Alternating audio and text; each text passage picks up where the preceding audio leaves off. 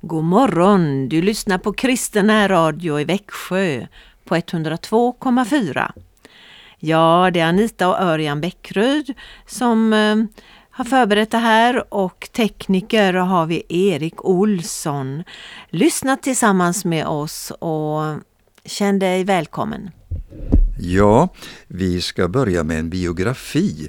Ja, det finns ju så många biografier. Man kan gå på biblioteket och det är hyllmeter utav olika slag utav biografier. Men sångaren Ingmar Olsson har en eh, sång som skildrar Jesu liv från början till slut. Vi lyssnar till honom.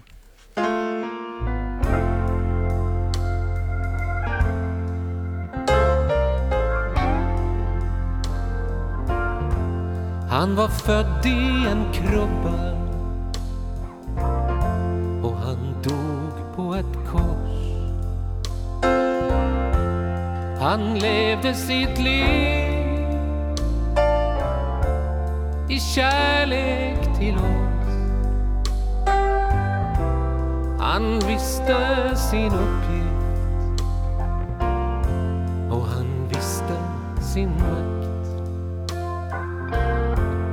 Han sa sånt som ingen förut hade sagt. Hans ord var hans egna men ändå från Gud. Han invände mycket mot mänskliga bud de religiösa fick han ofta kritik. Hans hela person var fullkomligt unik. Han kallades Jesus, men också Himlen var platsen som han kommit ifrån. Han var mycket mera än en väldig profet. Han kom för att rädda en hel mänsklighet.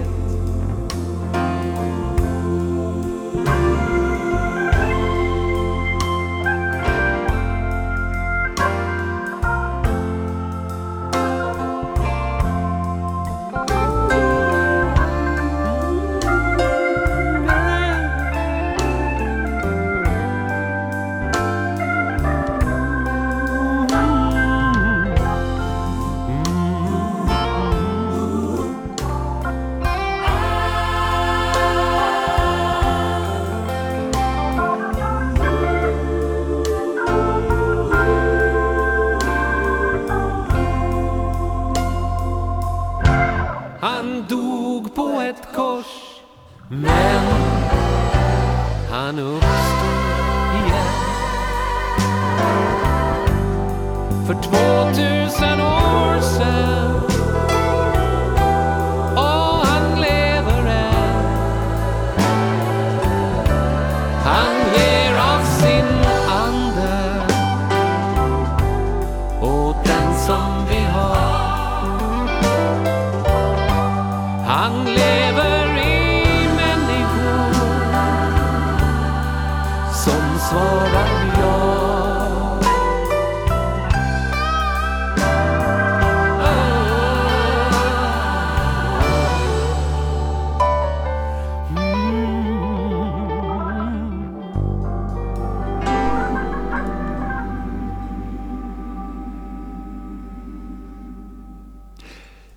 Ja, det här var en berättelse om eh, Jesu liv i musikalisk form. Och nu vill jag ta dig med eh, i ett actiondrama. Ja, det är faktiskt på det sättet som eh, några moderna bibeltolkare kallar Markus evangeliet. Markus evangeliet är en rafflande text. 47 gånger i de här 16 kapitlerna eh, så återkommer orden på en gång, strax, genast. Och Markus eh, har en väldig eh, kraft i sina ord när han berättar om vad han har sett och vad han har varit med om. Ja, den här Markus var ju en eh, medarbetare till Petrus senare. Och det ser vi i eh, första brevet som Petrus skrev, troligen då ifrån Rom. Och eh, där talar han om Markus. Och Markus mamma Eh, hade ju hand om en bönegrupp eh, i den mycket tidigt, eh, ja den första kristna församlingen. De var ju samlade där hemma hos henne och hade ett stort bönemöte just när Petrus var fängslad. Och det där förstår Petrus när han går ut ur, när han blir mirakulöst räddad ur sin situation där. Och då söker han sig till Johannes Markus mamma, till det huset där eh, de var samlade. Han var säker på att det är säkert många där som är i bön för mig. Ja, eh, Markus var med eh, senare och skildrade hela Jesu liv. Och redan i första kapitlet så eh, ja, han har inte tid att tala om Jesu födelse. Den, de, den berättelsen har vi ju i Lukas evangeliet. Men eh, Jesu dop nämns och hur Jesus prövades ute i öknen utav frestaren. Ja, sen är det lärjungarnas kallelse och så börjar Jesus redan sin undervisning i synagogan där i Kapernaum. Och vi ska lyssna till de verserna här ifrån Markus evangeliets första kapitel. När Jesus kom lite längre fram såg han Jakob, Sebedeus son och hans bror Johannes. De satt i båten och gjorde i ordning sina nät. Genast kallade han på dem och de lämnade sin far Sebedeus i båten med arbetarna och följde Jesus. De kom till Kapernaum och på sabbaten gick han genast till synagogan och undervisade. Folk blev överväldigade av hans lära för han undervisade dem med auktoritet och inte som de skriftlärda. Nu fanns i deras synagoga en man med en oren ande och han skrek Vad har vi med dig att göra, Jesus från Nasaret? Har du kommit för att fördärva oss? Jag vet vem du är, Guds helige. Men Jesus talade strängt till anden Tig och far ut ur honom. Den orena anden ryckte i mannen och skrek högt och for ut ur honom. Alla blev förskräckta och frågade varandra, vad är detta? En ny lära med sådan makt. Till och med de orena andarna befaller han och det lyder honom. Och ryktet om honom spred sig genast överallt i hela Galileen. Ja, här har vi berättelsen om hur Jesus börjar en eh, tid av undervisning på ett särskilt sätt i staden Kapernaum. Det är så att när Jesus började sin eh, offentliga verksamhet i 30-årsåldern så flyttade han och Maria och kanske hela familjen då, syskonen eh, han hade, de flyttade till, Na till Kapernaum ifrån Nasaret. Det blev deras hembygd under den här verksamheten. Och jag minns även om det är Eh, nära 45 år sedan eh, Anita och jag var där i Israel. Vi besökte eh, Kapernaum och fick se även det som kallas för Petrus hus. Det är någonting som man med visshet kan visa och likaså platsen, ruinerna, det som är en rest utav den här synagogan där Jesus började sin undervisning. Och eh, eh det här var ju en ort som var en genomfartsled och eh, där strömmade människor eh, som färdades mellan olika platser. De strömmade förbi där och det var en väldigt strategisk plats för Jesus att eh, bo. Och ehm, eh, det var ju så att när han började då eh, att läsa skriften och berätta i eh, synagogan så häpnade människorna över hans undervisning för Eh, som det står och som vi hörde så undervisade han med auktoritet och inte som någon skriftlärde som mestadels bara citerade andra tidigare rabbiner. Och Det här är någonting som är väldigt viktigt för oss kristna i vår tid, att eh, vi eh, talar om vad Jesus har gjort på ett aktualiserat sätt. Och vi ser ju nu då att här fanns det eh, ett motstånd. En man som, eh, ja det står att han var besatt. Och det här är någonting kanske som vi i våra dagar inte är så vana vid att eh, behandla som ett ämne. Jag tror att nu för tiden så är Eh, vi människor bundna i så mycket annat, materialismen och eh, välfärden och mycket andra intressen. Eh, men på den här tiden, och vi lägger märke till i, kanske på ett särskilt sätt i primitiva kulturer, så eh, finner man människor som reagerar just på det här sättet och som behöver en befrielse. Lika väl som vi behöver bli befriade ifrån den här tidsålderns väsende som eh, det står om i Bibeln. Alltså det sätt att tänka och handla som är vanligt för vår tid. Eh, jag har faktiskt varit med om sådana här reaktioner som har varit direkt eh, eh, talande och bevisat att det var tal om en besättelse av onda makter. Och det har vi fått uppleva att människor har blivit befriade. De här människorna som blev vittne till den här nya undervisningen som eh, de fick höra, ja, de började ju berätta om detta. Och eh, man såg att till och med de orena andarna befaller han och de lyder honom. Ja, vi har funnit verkligen många gånger att människor som har fått sina liv förvandlade börjar berätta berätta om vad de har upplevt och släktingar och andra, arbetskamrater och närstående, ja, de får del utav berättelsen om den här befrielsen. Jag var förr eh, slav under synden men har nu blivit fri genom Jesus.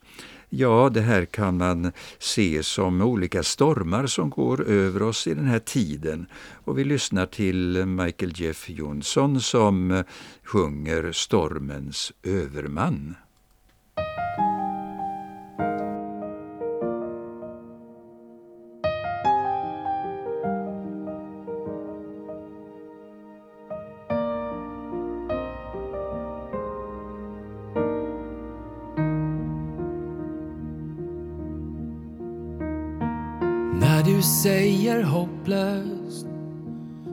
Du säger jag ger upp nu.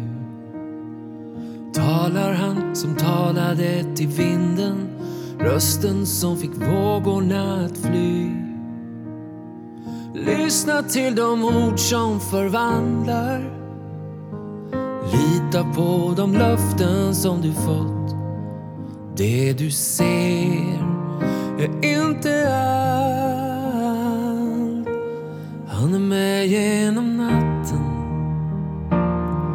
när din själ står i brand.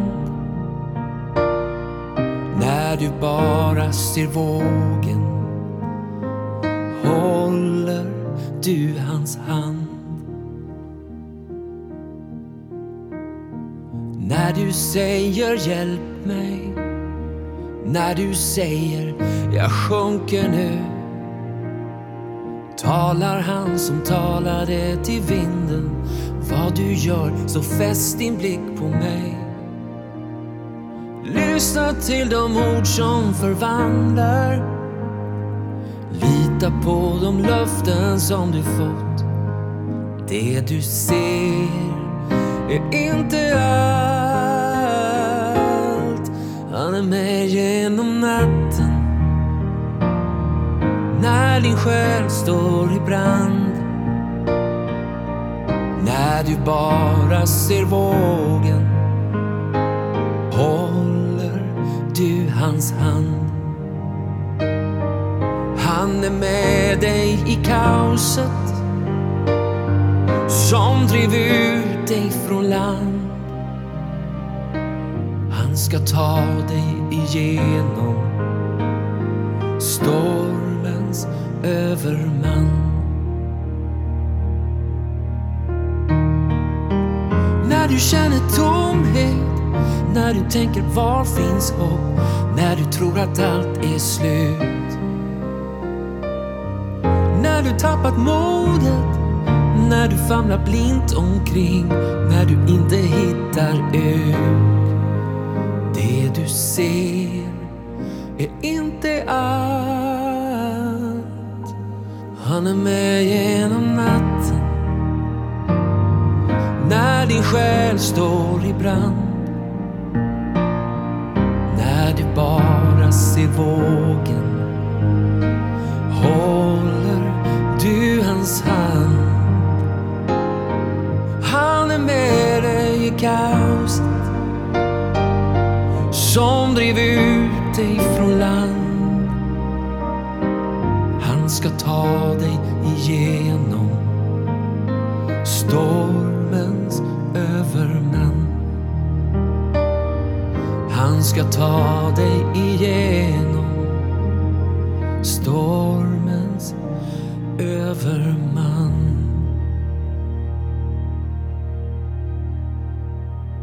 Ja, visst måste det ha varit eh, stormigt i den här mannens liv. Han som var så bunden. Men eh, han blev fullkomligt befriad. Och så står det berättas om i fortsättningen vad Jesus gjorde samma dag. Ja, han gick till Petrus och Andreas eh, hem och eh, där bodde också Petrus svärmor. Ja, Petrus eh, hade ju sin hustru då och kanske Andreas också eh, var gift. Det var ju ofta så att de bodde tätt tillsammans eh, i samma hus som eh, eh, storfamiljer på den tiden. Vill du läsa Anita där berättelsen om hur Petrus svärmoder blev botad? Så snart de kom ut ur synagogan gick de till Simon och Andreas hus tillsammans med Jakob och Johannes. Simons svärmor låg sjuk i feber och, de, och, han, och de talade genast med Jesus om henne. Då gick han fram, tog hennes hand och reste henne upp. Febern släppte och hon betjänade dem.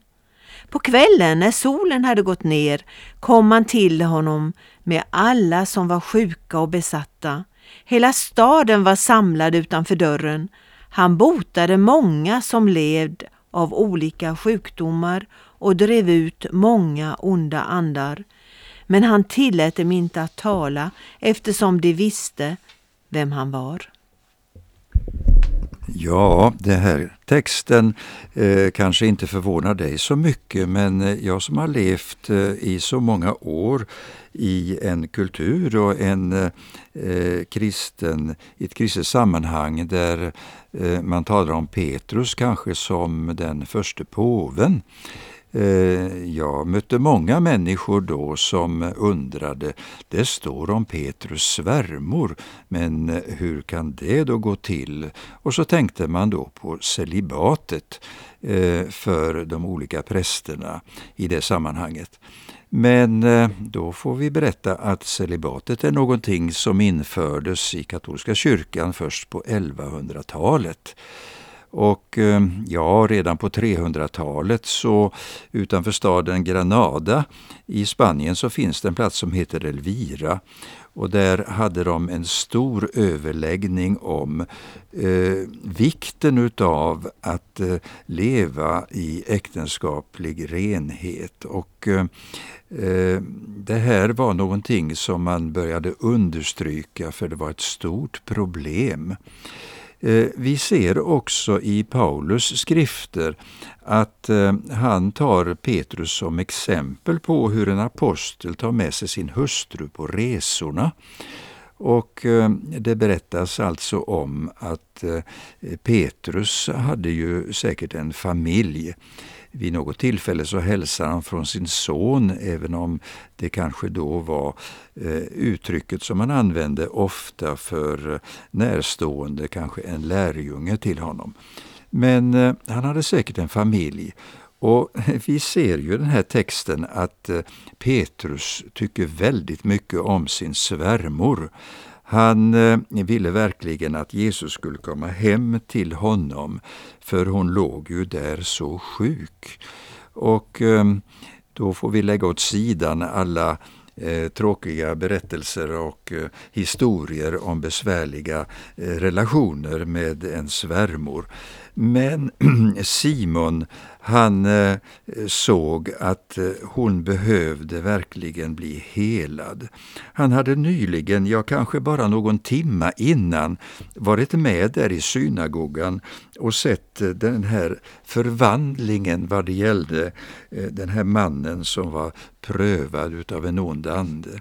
Och då ville han gärna också att Jesus skulle hjälpa eh, hans svärmor när hon hade brännande hög feber som det egentligen står i grundtexten. Och Det är så fint för det står att Jesus gick fram till henne, tog hennes hand och reste henne upp. Jag tycker det här är en beröring som är så respektfull och eh, då ser vi att eh, ja, bibeltexten säger att genast lämnade febern henne och hon började att betjäna dem. Hon skulle alltså servera sabbatsmåltiden som var förberedd sedan dagen innan. Och den, eh, ja, hon eh, satte igång med en gång och tjäna. Jag har själv personligen upplevt i min mycket tidiga barndom hur jag blev helad i ett enda nu. Det var så att jag var eh, sex år och och eh, hade legat sjuk i väldigt hög feber eh, i ett par veckor och man visste inte vad det var som var på gång. Eh, det såg allvarligt ut.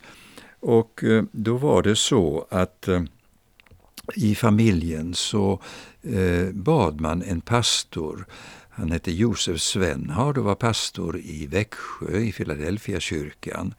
Och man bad honom att eh, komma hem och eh, bedja för mig. Och man samlades där enkelt runt sängen där jag låg eh, med brännande feber. Och eh, jag minns så väl att Pastorn la sin hand på min panna och bad en stilla bön om helande, om Guds ingripande. Så lämnade han eh, hemmet och eh, for vidare säkert kanske på andra hembesök. Men han hade knappt eh, kommit ut genom ytterdörren så reser jag mig upp och alla däromkring är häpna. Och då säger jag, ja men vad är det som håller på ute i, i, i trädgården utanför huset? Ja, det var en grävmaskin som höll på att installera eh, en stor oljetank som skulle grävas ned. Ja, det här var ju på 50-talet och då gjorde man ju så. Och eh, jag ville absolut komma ut omedelbart för att få se den här eh, maskinen och eh, de fick svepa in mig i filt och så fick jag gå ut och titta på det här stora arbetet, den här maskinen som höll på att gräva. Ja, det här är mitt vittnesbörd om en verklig förvandling och vi har i vår pastorsgärning, min fru och jag, fått se flera människor komma till tro och även eh, att Gud har gripit in. Jag minns, om jag ska berätta en annan händelse, när jag var vakanspastor, alltså en tid i en församling i väntan på att eh, den anställde pastorn skulle komma och installeras. Så under ett år så tjänade jag församlingen där i Umeå. Och eh, en äldre medlem eh, ringde och ja, det var de anhöriga som kontaktade oss och sa att hon är så sjuk och svag. Eh, Gerda ligger, eh, kanske det är mot slutet. Ja, eh, jag samlade några utav församlingsledarna med mig och vi åkte ut dit. Och så bad vi trons bön, vi smorde henne med olja och vi bad att Gud skulle eh, hela henne. Det här att smörja med olja, det innebär att man eh, stryker några droppar utav eh, en vanlig olja då eh, på eh, den sjukes panna. Och vi bad. Nästa dag så ringde jag familjen för att fråga hur är det med Gerda? Ja, hon är ute i trädgården och arbetar. Hon eh, är ute och gräver i sina land. Ja, det var en oerhörd förvandling. Sådan är Gud än idag. Så det är inte något så främmande som det berättas om här om att Petrus svärmor blev befriad från sin eh, brännande feber och började att betjäna lärjungarna och Jesus i hemmet där. Ja, så står det att på kvällen efter solnedgången kom han till honom i en stadig ström med alla sjuka och besatta, tills hela staden Kapernaum hade samlats utanför dörren. Och eh, Jesus fick arbeta säkert ända långt in på natten för att hjälpa människor. Det finns ingen timma som är för sen. Du ska eh, verkligen ta emot den här hälsningen om att Jesus helar. Ja, låt oss lyssna till Roland Utbult när han sjunger Jesus, han är en så förstående Gud. När du far över stormiga hav och din tro känns så oerhört svag. Det finns en som alltid är med dig. Han vill föra dig till en trygg och säker hamn. Och han är din far. Han är en så förstående Gud. Han är en så förstående Gud. Han vill nå dig och förlåta. Han är en så förstående Gud. Om ditt liv kommit helt ur sin kurs i människors ögon du är dömd. Det finns en som står på din sida. Han vill visa sin kärlek för dig. Och han är din far. Ja, han är din far. Denna djupa gemenskap med Gud kan du få uppleva. Tänk att det var Jesus som undervisade om att eh, Gud är vår far.